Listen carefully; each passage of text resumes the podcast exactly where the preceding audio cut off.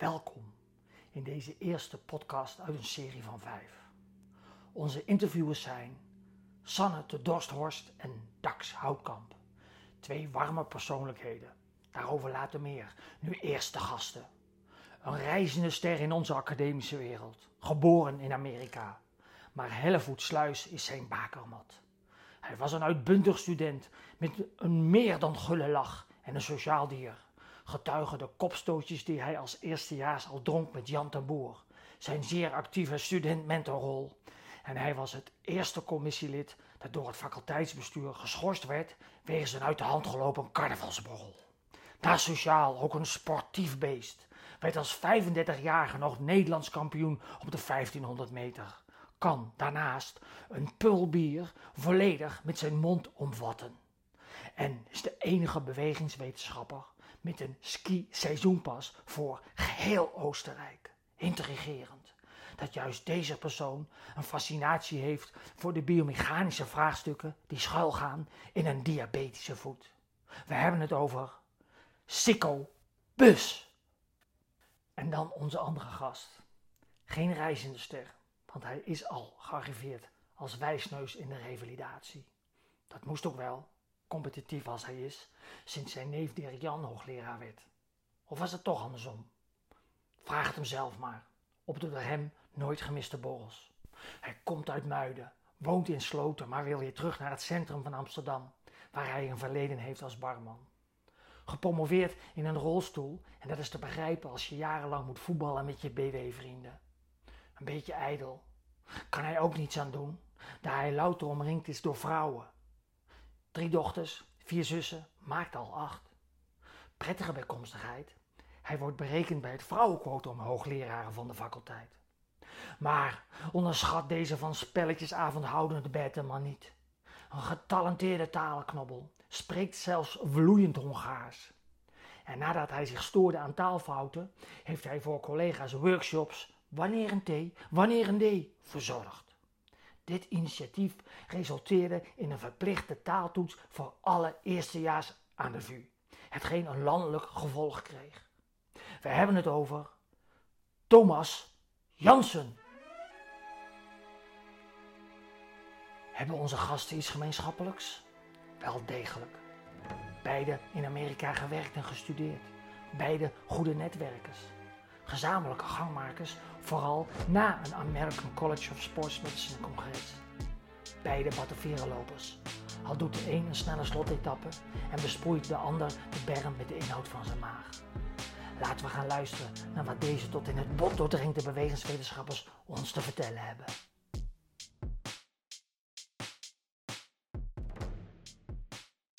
Welkom allemaal. Leuk dat jullie luisteren naar de eerste aflevering van deze podcast. Mijn naam is Dax Houtkamp. Ik ben junior docent bij de opleiding Bewegingswetenschappen. En uh, we zitten hier vandaag in een uitgestorven MF-gebouw op de vierde verdieping. En naast mij zit Sanne. Sanne, wil jij jezelf ook even kort introduceren? Ja. Voor we uh, naar de gasten gaan. Mijn naam is Sanne de Dorstorst. Ik uh, heb ook bewegingswetenschappen gestudeerd en doe op dit moment ook docentenopleiding. Ben volgend jaar dus ook te vinden als junior docent. Dus uh, wij zijn wat meer de ervaring in de studenten en tegenover ons zit de ervaring in het werkveld. Um, onze eerste gast, Thomas, Thomas Jansen. Uh, als student was ik altijd uh, best wel gefascineerd van de revalidatie. En in mijn ogen was jij altijd de bewegingswetenschapper in de revalidatie. En ik vroeg me altijd af, wat doet die Thomas Jansen nou precies? En hoe is hij daar gekomen? Dus zou jij jezelf eens willen voorstellen aan ons en misschien een beetje meenemen in wat je hebt gedaan en hoe je daar bent gekomen? Ja, tuurlijk. Um, om te beginnen voel ik me wel een beetje oud als jullie zeggen... wij zijn de ervaren mensen hier op de, op de bank en jullie de... Maar goed, uh, in de revalidatie, ja, dat, de, ik, ik ben daar terechtgekomen... en dat was eigenlijk helemaal niet de bedoeling. Ik ben uh, bewegingswetenschappen gaan doen... omdat ik uh, echt in de sport geïnteresseerd was... En, en hoe het ook mogelijk was dat je records kon breken. Ik vond dat altijd fascinerend. Hoe kunnen mensen nou steeds sneller en beter worden? Nou, dat wilde ik ook gaan doen. En uh, toen ik klaar was met studeren, toen wilde ik daar een onderzoeksbaan in vinden. Kon dat niet uh, krijgen. Uh, maar uiteindelijk kon ik wel een, een, project doen met mensen met een dwarslesie. En dacht ik, ja, dat, met een dwarslesie, dat is niet echt topsport. Dat wil ik niet. maar uiteindelijk toch gedaan. En je moet, je moet, eh, je moet leven. Ik werkte toen eh, op, eh, op het Leidseplein als barman. Dus ik denk van ja, ik moet nu wel eh, iets serieus gaan doen. Eh, en ja, geen moment spijt van gehad. Want ik zit dus al jaren in de, in de, in de revalidatie nu. En dat blijkt, eh, blijkt net zo interessant te zijn.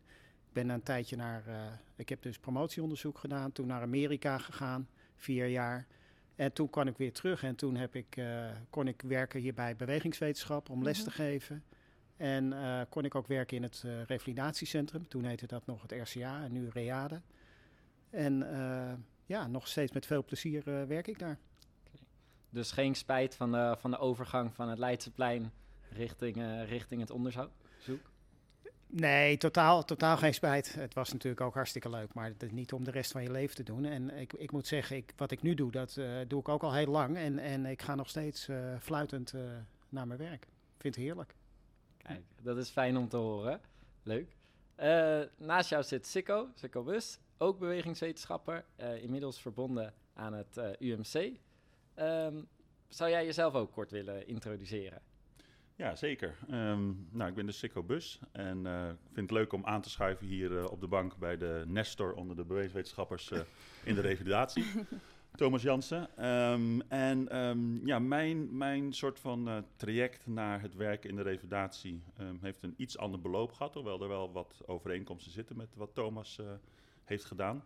Maar ik heb na mijn bewegingswetenschappen ben ik direct naar de Verenigde Staten gegaan om daar verder onderzoek te doen binnen de biomechanica eigenlijk. Ehm, en ik ging daar werken bij een hoogleraar die eigenlijk al wat jaren eh, zich specialiseerde op de diabetische voet. Kwam meer uit het hardlooponderzoek en het sportschoeiselonderzoek. Maar al jaren ehm, ook diabetische voetonderzoek deed. Dus daar rolde ik eigenlijk in. En in de laatste fase van mijn studie heb ik me daar ook via een scriptie op, eh, op gericht, op dat onderwerp. En eh, toen begon mijn interesse in ehm, ja, wat, wat revalidatieachtige onderwerpen denk ik wel eh, toe te nemen. Maar ik ben niet direct bij terugkomst in de revalidatiesector eh, gaan werken. Ik ben eerst promotieonderzoek gaan doen bij de inwendige geneeskunde. Eh, dus wel in het ziekenhuis al, dat wel. En dat was ook al in het AMC.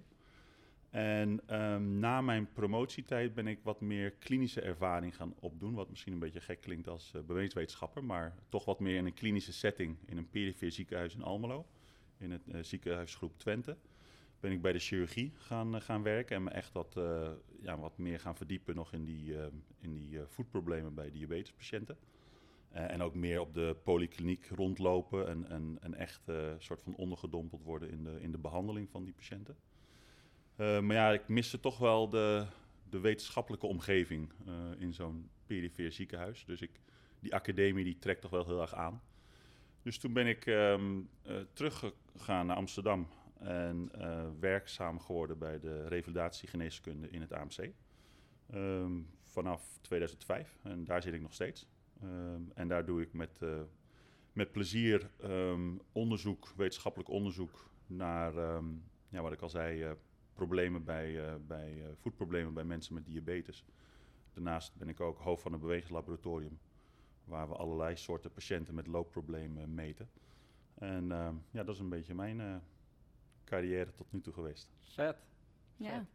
Cool om te horen. En jullie kennen elkaar dus eh, ook heel goed? Of valt dat wel mee? Ja, we kennen elkaar wel best wel goed. Nee, we gaan... ken, we, ik ken jou heel goed. ja, ik ken Thomas ook heel goed. ja, zowel professioneel als uh, op het uh, sociale vlak. Ja. We kunnen het goed met elkaar vinden, denk ik. Toch, toch Sikko? Ja, ja, zeker. En ik denk dat uh, ja, onze, onze gezamenlijke activiteiten bij, um, bij bewegingswetenschappen events, hè, zoals de Batavier race natuurlijk, best wel in het oog springen. Um, en op professioneel vlak zijn we natuurlijk toch ook veel um, op dezelfde congressen. En uh, we zien elkaar ook binnen in het kader van het, uh, het Research Instituut wat we nu hebben. Dus uh, ja, is leuk. Leuk om met Thomas op de bank te zitten. -hmm. Oké, okay, um, voor als het nog niet duidelijk was, het thema van deze podcast is dus de revalidatie. Dat is het thema van deze eerste aflevering. En uh, wat ik eigenlijk bij jullie beiden hoor, is dat de, de richting van revalidatie niet meteen op slag duidelijk was van dat ga ik doen. Horen jullie dat vaker? Rollen mensen op een andere manier in de revalidatie dan in eerste instantie dat ze daar echt doelgericht op afgaan? Nou, volgens mij was het, eh, toen, toen wij studeerden, was dat eh, revalidatie toch wel een beetje een ondergeschoven kindje nog. En, en nu is dat denk ik anders. Ik, ik denk dat je heel veel eh, studenten hebt die echt voor, voor de revalidatie eh, dit gaan studeren. Mhm. En bij mij was dat, eh, toen ik studeerde, was natuurlijk al eh, behoorlijk lang geleden, was, ging het toch echt om Ik wilde sport. net vragen, Thomas, even voor de beeldvorming Ja. van de luisteraar. Niet om je te plagen, maar wanneer, wanneer begon je met studeren? Eh 81 81. tot, en 88 was ik klaar. Hè. Toen mocht je nog wat langer studeren, dus daar heb ik, eh, ik vond het zo leuk. Ik heb dat zo lang mogelijk eh, gedaan, ja, zeven jaar lang. Dus. En is, eh, nou, ik denk ik dat dat nog steeds wel eens wordt gedaan. Ehm, maar is de rol van de bewegingswetenschapper in de revalidatie, denk je, veranderd sinds die tijd? Of is, was revalidatie toen überhaupt minder wetenschappelijk ingestoken? Of? Nou, e- eigenlijk, eh, daar snij je twee hele goede punten aan, want het zijn allebei eh, waar. Ehm, toen ik eh, ja, ruim twintig jaar geleden in het revalidatiecentrum kwam, toen, toen ja, gebeurde daar nauwelijks onderzoek. En ja, ik, ik verbaasde me erover dat er eigenlijk niks gemeten werd. Ik zat dus in een revalidatiecentrum. Hè. Misschien is dat anders in. de- misschien kan Sico daar zo wat over zeggen hoe het in het ziekenhuis was. Maar in het revalidatiecentrum werd eigenlijk bijna niks gemeten. Er werd wel wat genoteerd op papiertjes en dat ging in de, in de, de status en dat ging, ging weg. En er werd niks in een database opgeslagen en er werd niet echt over nagedacht. En het onderzoek dat er gebeurde, gebeurde veel vanuit de academische centra. Daar kwam er een, eh, een professor die kwam langs en die, die deed wat metingen en ging weer terug. Maar echt in het centrum niet. Dat is de afgelopen twintig jaar wel heel erg eh, veranderd. En, en wat je nu ziet is dat er heel veel bewegingswetenschappers eh, werkzaam zijn. En dat ook het klimaat eh, behoorlijk eh, veranderd is. Daardoor denk ik ook.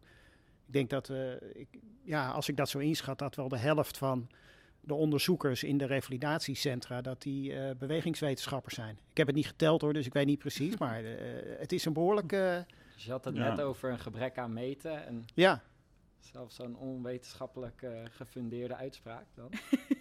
Dat, dat, dat, dat klopt.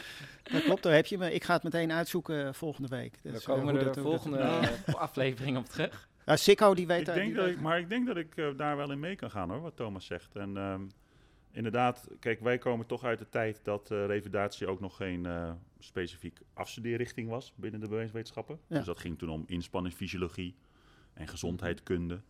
ehm, en, en psychologie, dat waren de afstudeerrichtingen. Anatomie. Nog, nog wat andere. Ehm, dus dat was misschien inderdaad niet direct logisch. En inderdaad, wat Thomas zegt, eh, de, de, de revalidatieafdelingen, ook in de ziekenhuizen, werden nog niet echt heel erg eh, bevolkt door onderzoekers.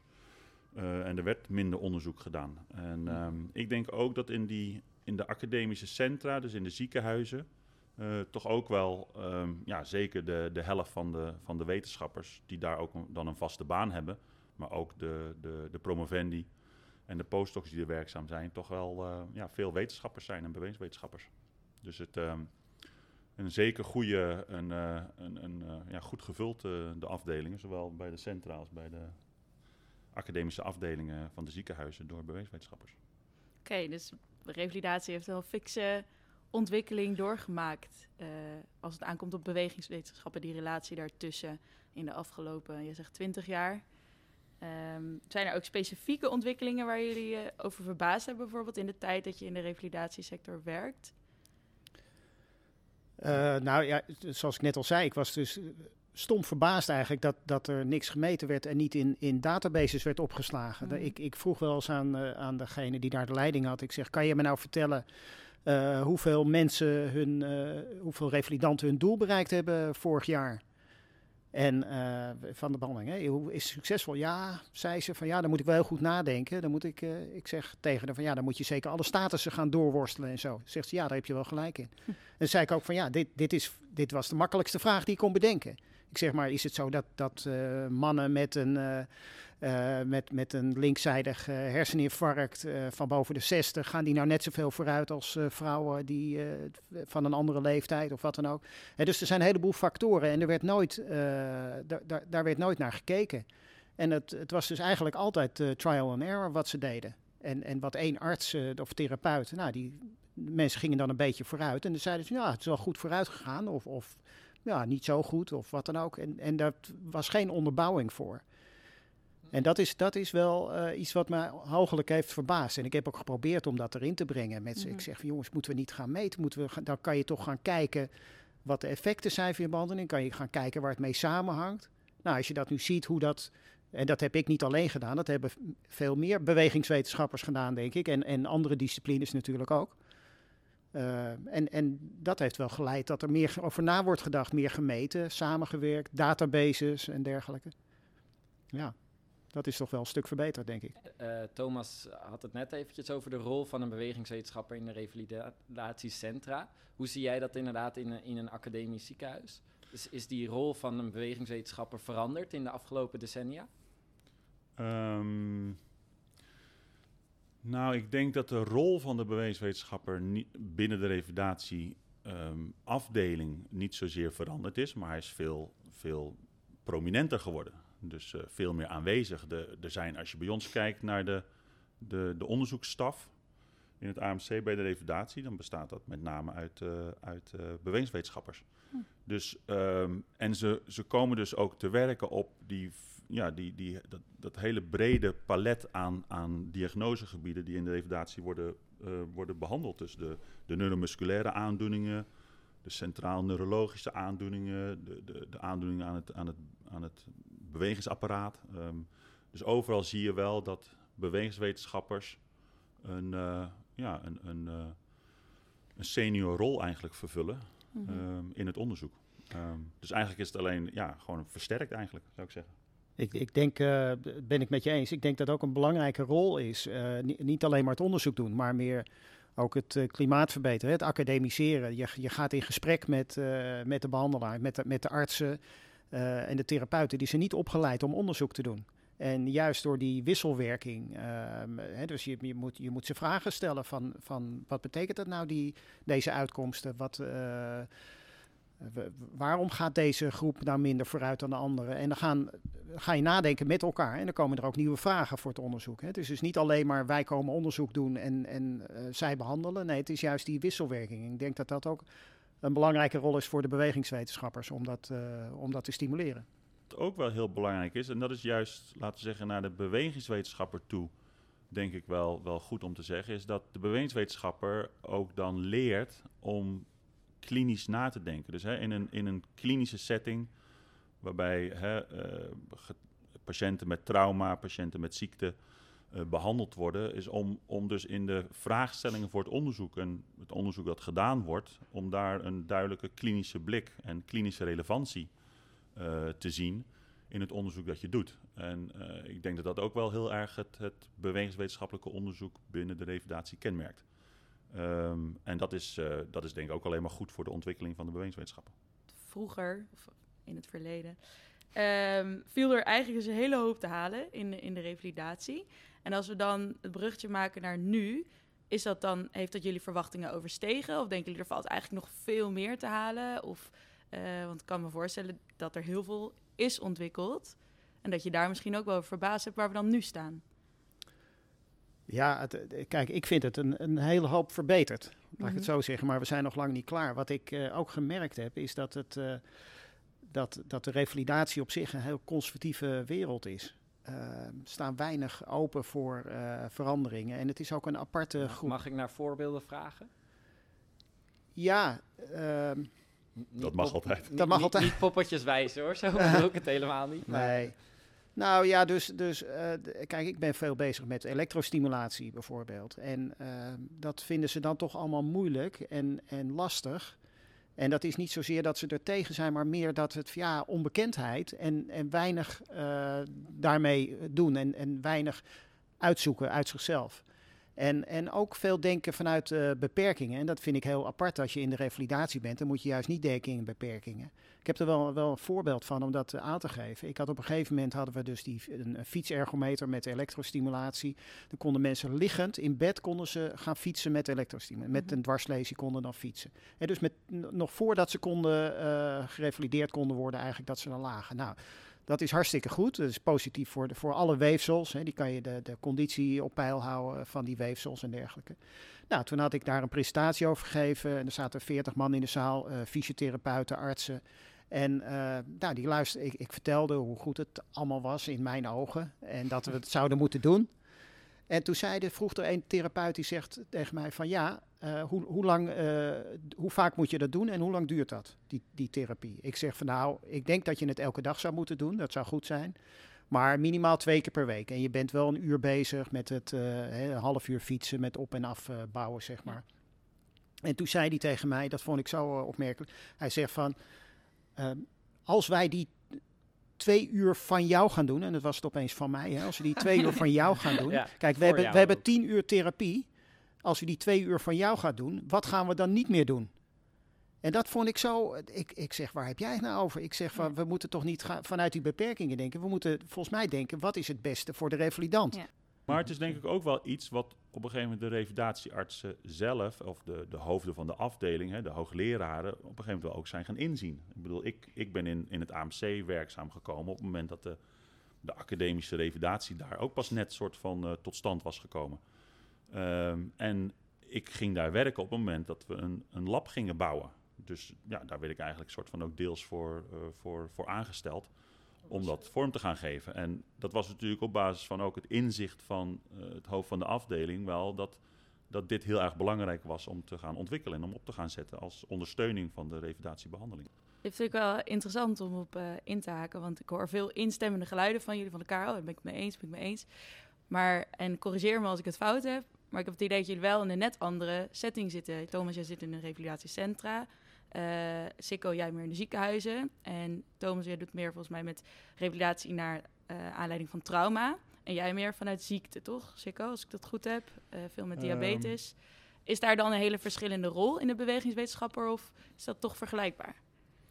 Ik denk dat het heel vergelijkbaar is. En um, je hebt gelijk hoor. Ik bedoel, ik, ik kijk inderdaad na, meer naar de, naar de zieke patiënt. Mhm. Mm -hmm. uh, maar uiteindelijk, en dat zegt dan weer iets over mijn rol als bewegingswetenschapper, kijk natuurlijk naar het, het bewegingswetenschappelijk probleem van die patiënt. Of in mijn geval meer het biomechanisch probleem. En dat is ook een trauma. Dus de patiënten waar ik naar kijk, hè, die mensen met voetproblemen als gevolg van diabetes, die ontwikkelen een, uh, een chronische wond ja, die ontstaat ook door een trauma, door een mechanisch trauma. In combinatie met het feit dat die patiënten hun, uh, geen, geen gevoelszin meer hebben, geen pijnzin meer hebben in hun voeten. Nou, kijk, de, de, is natuurlijk bezig met, met uh, vooral met een, een, een, aspect, hè, met die diabetische voet en, en dat mobiliseren en of daar zo goed mogelijk mee om te gaan. En dat is dus wel heel anders dan waar ik met mensen waar ik mee bezig ben met die dwarslesie. En dat is, die dwarslesie is niet het enige probleem. Er komen een hele rits andere problemen aan uh, bij kijken. En uh, ja, dat, dat, dat, dat maakt het heel erg lastig, die revalidatie van die mensen. Als je al die problemen wil aanpakken, dan, uh, dan ben je wel even bezig. En, en be de bewegingswetenschapper heeft daar maar een, een beperkte rol in. Maar er zitten dus ook mensen met... Hè, de psychologen komen erbij kijken, de, de, de, ja, de diëtisten, de fysiotherapeuten, ergotherapeuten, die altijd zo'n heel team is heel, heel divers. En uh, dat maakt het ook wel lastig hoor, in zo'n, in zo'n team te werken. Dat omdat je maar. Heel anders dan in, in andere sectoren waar bewegingswetenschappers misschien terechtkomen, zoals de topsport. Ja, nou ja, dat, dat, dat, dat, ligt er natuurlijk aan. Maar dat is, dat, je hebt wel een beetje gelijk. Het is, de revalidatie is uh, vooral zo'n revalidatiecentrum met, met een trauma. En dat kan ook uh, met diabetisch voet zijn, dan komt er ook vaak amputatie bij kijken en dergelijke. Dat er zoveel verandert voor die mensen en dat je dus niet naar één klein dingetje kijkt. Dat is het ook ja. het verschil bijvoorbeeld met een orthopeed. Hè, dus die kijkt naar één gewricht en die uh, gaat er wat aan sleutelen. Uh, in de revalidatie sleutel je aan de mens, sleutel je aan, aan het geheel. En dat is ook wel wat, denk ik, de revalidatie typeert. Dat het, dat het meer globaal is, zeg maar meer wat een huisarts ook doet, zeg maar, maar dan op het gebied van de revalidatie, dus globaler kijkt. En, en dus multidisciplinair. Ja. multidisciplinair. En dat is heel ja. kenmerkend. En dat is uh, ja, ook toch in het uh, onderzoeksonderwerp waar ik me mee bezig hou, natuurlijk ook heel erg, uh, heel erg op de voorgrond. Dus dat je toch met, met de in, interne geneeskunde, met de vaatchirurg, met de podotherapie, de revalidatiearts dus, samenwerkt om een zo goed mogelijke behandeling te geven aan die patiënt. Omdat inderdaad die He, laten we zeggen, het biomechanisch probleem niet het enige is. Uh, er zit ook een, uh, een hele persoon boven met uh, gedrag bijvoorbeeld, wat ook niet altijd eh, bevorderlijk is voor de uitkomst van, ehm, eh, van de ziekte. Ja, maar je begint, je begint wel te, te je, je begon wel te zeggen van ja, ik, ik fo- focus me wel op de biomechanica. Dat is natuurlijk wel heel erg Dat is wel de monodiscipli- basis, ja. monodisciplinair. Ja, dat is de basis. Maar ik weet dat, dat met dat alleen ik eh, een bijdrage kan leveren aan het oplossen van het probleem. Of het diagnosticeren van het probleem. Maar eh, ja, niet, het, niet het geheel. En, en ik vind juist die focus op het geheel wel interessant. Ja. Eh, dus daarin mee te doen eh, en een bijdrage te leveren, doe ik wel graag. Dus de, de rol van de bewegingswetenschapper in de revalidatie is absoluut niet op zichzelf staand. Eh, als ik het zo goed begrijp. Klopt. Ehm, maar zouden we dan wel kunnen stellen dat de bewegingswetenschapper onmisbaar is in de, tegenwoordig in de revalidatie? Onmisbaar is geworden. Is geworden, zeg maar, als we kijken naar de ontwikkeling en Ja, waar daar- die nu staat? ik kan daar kort over zijn. Ja, die is eh, onmisbaar geworden. En eh, ik, ik zie niet zo gauw een, eh, iemand anders of een andere groep wetenschappers die dat over gaat nemen. Nee. Dus eh, Nee, de, de, de, de fysiotherapie is natuurlijk ook, heeft ook een, een, een wetenschapsslag gemaakt.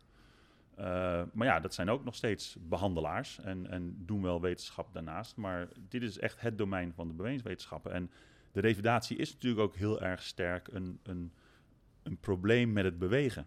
Ja. Dus dat wij Ja. daar als wetenschappers eh, ja, een, een, een prominente rol vervullen, lijkt me niet meer dan logisch. Nou, wat ik, wat ik eh, gemerkt heb, en dat is dat er dus ook heel anders gekeken wordt naar bewegingswetenschappers tegenwoordig. Voor twintig jaar geleden was het zo dat, ja, dat werden nog als ondersteuners, eh, ondersteunende rol. Oh, dat is ook wel leuk wat ze doen, zeg maar, die bewegingswetenschappers. maar ja, het draait toch eigenlijk om de geneeskunde. Dat, dat, was, dat was eh, hoe het was. Ja. Dus die, iedereen klopte zich op de borst, borst. De artsen die zeiden van ja, wij doen het allemaal. En dat we ook wat bewegingswetenschappers hebben die wat doen, dat is wel leuk. Maar dat is toch gerommel eh, in de marge. Beetje gechargeerd, maar zo was het wel. En nu is het zo dat eh, ik heb het gevoel dat we allemaal gerespecteerd worden. En dat van beide kanten. Hè. Dus dat eh, die interactie, dat we die, dat we die zien. En dat er ook eh, die, die rol die we genomen hebben, bewegingswetenschappen, dat dat ook geaccepteerd is en gerespecteerd. En, ook gewaardeerd door, de, door het veld. Dat is wel een heel belangrijke verandering, denk ik, de afgelopen twintig jaar. Maar dat is misschien ook wel het verschil met vroeger, toen Thomas, iets eerder dan ik, duidelijk eerder dan ik, maar ik toch ook al wat langer geleden gestudeerd heb, is dat wij inderdaad niet direct de revalidatie als, als eh, vakgebied hadden waar, waar we op ons, ons op richten. En ik denk dat dat nu wel, die, die, die stap wel makkelijker gezet wordt. Ook omdat dus revalidatie een veel, veel belangrijkere rol in de opleiding al vervult en, en echt een afstudeerrichting is. En ehm, ja, ook als ik kijk naar, hè, als ik eh, voor onderzoeksfuncties eh, eh, onderzoekers moet aannemen, promovendi, dan ehm, is dat ook, hè, dan kom ik ook bij bewegingswetenschappen terecht. Oké, ze zijn al heel ver gekomen. Dan, als we dan ook nog even gaan dromen en verder gaan kijken naar toekomst. Van wat willen we dan nog bereiken in de revalidatie in wellicht de aankomende aantal decennia. En dan misschien eerst voor jullie vakgebied of sector specifiek. Bijvoorbeeld diabetes is een ontzettend eh, veel voorkomende ziekte en het groeit ook nog steeds. Zie je daar dan als bewegingswetenschapper ook een groeiende rol in eh, voor de toekomst? Ehm, ja, die rol die blijf ik wel eh, zien. Ehm, en, en kijk, wat, wat ik hoop is dat we in de, in de komende jaren eh, steeds, meer, ehm, eh, steeds meer gaan weten, steeds beter gaan weten hoe we nou die complicaties kunnen voorkomen. Want op zich, het le- leven met diabetes, dat, dat kan wel. Ik bedoel, mensen kunnen ook gewoon eh, 80, 85 jaar oud worden. En ik denk dat we daar wel de, momenteel wel de, de, de kennis voor aan het ontwikkelen zijn. En dat zal alleen maar doorgaan in de komende 10, 20 jaar. Om steeds beter te weten hoe we deze complicaties gaan voorkomen. Dus ik, ik heb daar wel goede hoop op. En ik hoop ook dat in de rest van mijn actieve loopbaan eh, daar wel echt het verschil gemaakt kan worden. Dus dat is mijn droom. Want gaan die complicaties niet ook verergen met alle bewegingsarmoede die steeds... eh, eh, Ja, natuurlijk ben je daar wel tegen aan het worstelen. Want, eh, en kijk natuurlijk maar naar- bijvoorbeeld naar de pandemie die we hebben gehad, dat juist mensen veel minder actief zijn geworden. Hij is er nog steeds, Ja, toch, de pandemie? Helaas Zitten jullie wel. wel met z'n vieren op een afgehuurde verdieping? Ja, ik weet niet wanneer dit uitgezonden gaat worden. Maar ehm, ehm, nee, dus zeker daar, daar. En daar is het ook wel, daar ligt natuurlijk ook wel een rol voor de bewegingswetenschapper om, eh, om op het gebied van leefstijl ehm, wel een, ehm, ja, een, een, eh, een bijdrage te leveren. eh, om de patiënt actiever te krijgen. We weten ook steeds meer wat de negatieve effecten zijn van, eh, van zitten. En van een inactief bestaan voor de diabetes. Dus dat, ehm, ehm, en dat zie je ook wel in het land hoor, dat er rond beweegprogramma's en dat soort dingen ja, wel veel, veel ontwikkeling is. En Thomas, jouw droom? Nou ja, mijn, mijn, mijn droom is, eh, nou die heb ik eigenlijk niet, een droom, maar wel de verwachting dat het, eh, eh, dat het toch wel veel gaat veranderen hoor, in de, in de revalidatie ook. Bijvoorbeeld de rol van de, van de arts en de, en de therapeut, die wordt denk ik veel minder. Ehm, we krijgen steeds meer te maken met, met de technologie Ehm, en ook met data science. En hè, dus de, de diagnosestellingen die worden binnenkort gedaan allemaal door, door de computers en, en testen die we doen. En de, ar- de artsen doen dat denk ik niet meer binnenkort. En ook de behandelingen worden heel anders. En ehm, ja, we, ik denk dat we op ons twee dingen gaan richten. Eentje is dus het, het, eh, echt het herstel van, eh, van, van het probleem. Maar aan de andere kant ook richten op eh, ehm, het, het, het nog beter maken van mensen door, de, door technologie. En dat, ik zat er ook even over na te denken, maar ik, dat doet me heel erg denken aan, eh, aan de man van 6 miljoen. Ik weet niet of jullie, dat, dat zegt jullie niks. nu niet. Chico, ken jij dat nog? Nee? Ach, Oh. jongen, jongen, wat- dan ben ik, voel ik me echt oud. Nou, de man van 6 miljoen, de man van 6 miljoen, eh, de 6 Million Dollar Man, eh, was uit de jaren 70, eh, begin jaren 70. Dat was een, een serie en dat ging over een astronaut en die kreeg een ongeluk. Eh, kwam bij terugkeer op aarde, was hij eh, behoorlijk in de lappenmand. Maar toen zeiden ze van, dat was altijd het beginfilmpje, zegt, eh, we kunnen hem, we kunnen hem, we can rebuild him. We can make him better, stronger and faster. En dat vond ik zo intrigerend. En dan zag je ook echt dat hij die benen, want die been lag helemaal in gort. En daar hadden ze allemaal dingen ingebouwd in dat been. En in zijn arm en, en zijn oog. Die, en ze hadden er zoveel dingen ingestopt. En hij werd daar juist dus sterker door. Hij kwam daar eh, uit, eh, niet alleen gerevalideerd. Hij kon weer lopen. Nee, hij kon sneller lopen. Hij was sterker. Hij, was, eh, hij kon verder kijken. En dan ging hij allemaal problemen oplossen. Het was een soort superman geworden. Ja. Nou, en dat, dat vond ik zo intrigerend. En eh, ja, wa- wat je nu ziet is dat er, eh, de, de techniek zo'n belangrijke rol krijgt. Ook niet alleen in het, in het herstel van, van mensen dat we weer kunnen doen, maar zo direct ook in, eh, in, in, in beter maken. Mhm. Dat zie je natuurlijk ook al de ontwikkeling in het aangepast sporten.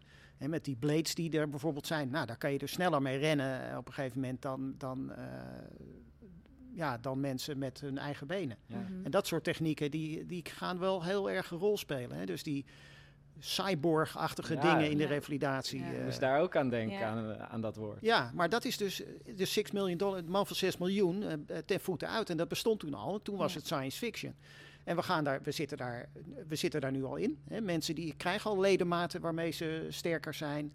Eh, en, en beter dan voor. Dus het, eh, de, het wordt een beetje grijs gebied, dat revalidatie, of wordt tot supermens gemaakt. Nu even een soort van eh, realistisch. Hoe, hoe, hoe snel denk je dat dit gaat verlopen? Daar zijn we al lang mee bezig. Ja, 2030, toch? Weet je, kijk, we kunnen al kijken hoeveel dat mensen. haalbaar zijn? Hè? Nee, maar dat- nee, we zijn er al lang mee bezig.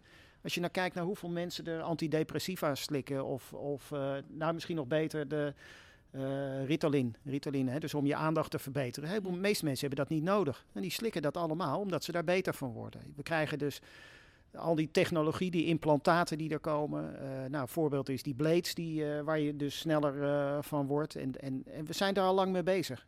Ook al onze telefoon, die, die, die, die Ja. is aan ons verbonden. Dat is Ja. eigenlijk niet meer, nou, of die, die is al samen met ons. Dus we, de- die dingen, we zijn al lang bezig met het supermens maken van onszelf. Mhm. Ik word al een beetje zenuwachtig als ik eh, s ochtends mijn telefoon niet naast mijn bed Ja. zie. Nou ja, Want ik ben hem vergeten. nou, precies. En wat kunnen we ja nog maar dat zonder maak, telefoon? je, dat maak je juist mens. Ik pak hem even terug naar de rol van de bewegingswetenschapper. Eh, wat ik nu heel erg hoor is eigenlijk, we begonnen als een soort bijrol. eh, in de revalidatie. We zijn gegroeid naar een veel prominente rol en we worden misschien wel een ontzettende verbindende rol tussen Ja. allerlei verschillende sectoren. Eh, ik denk dat dat een hele mooie ontwikkeling is. Zijn jullie het daarmee eens als ik het zo samenvat? Eh, ik wel. Ik ook. Mooie afsluitende woorden. Ja. Ehm, hartstikke bedankt. eh allebei gedaan. voor Ja, graag gedaan. ja. Super interessant. Leuk om Ja. te doen. En eh zegt inderdaad, we bewegingswetenschappers zijn in heel veel terreinen werkzaam. En eh, in onze volgende aflevering gaan we verder met een van die andere terreinen. En dat is het fundamenteel onderzoek. En dan hebben we weer twee interessante gasten.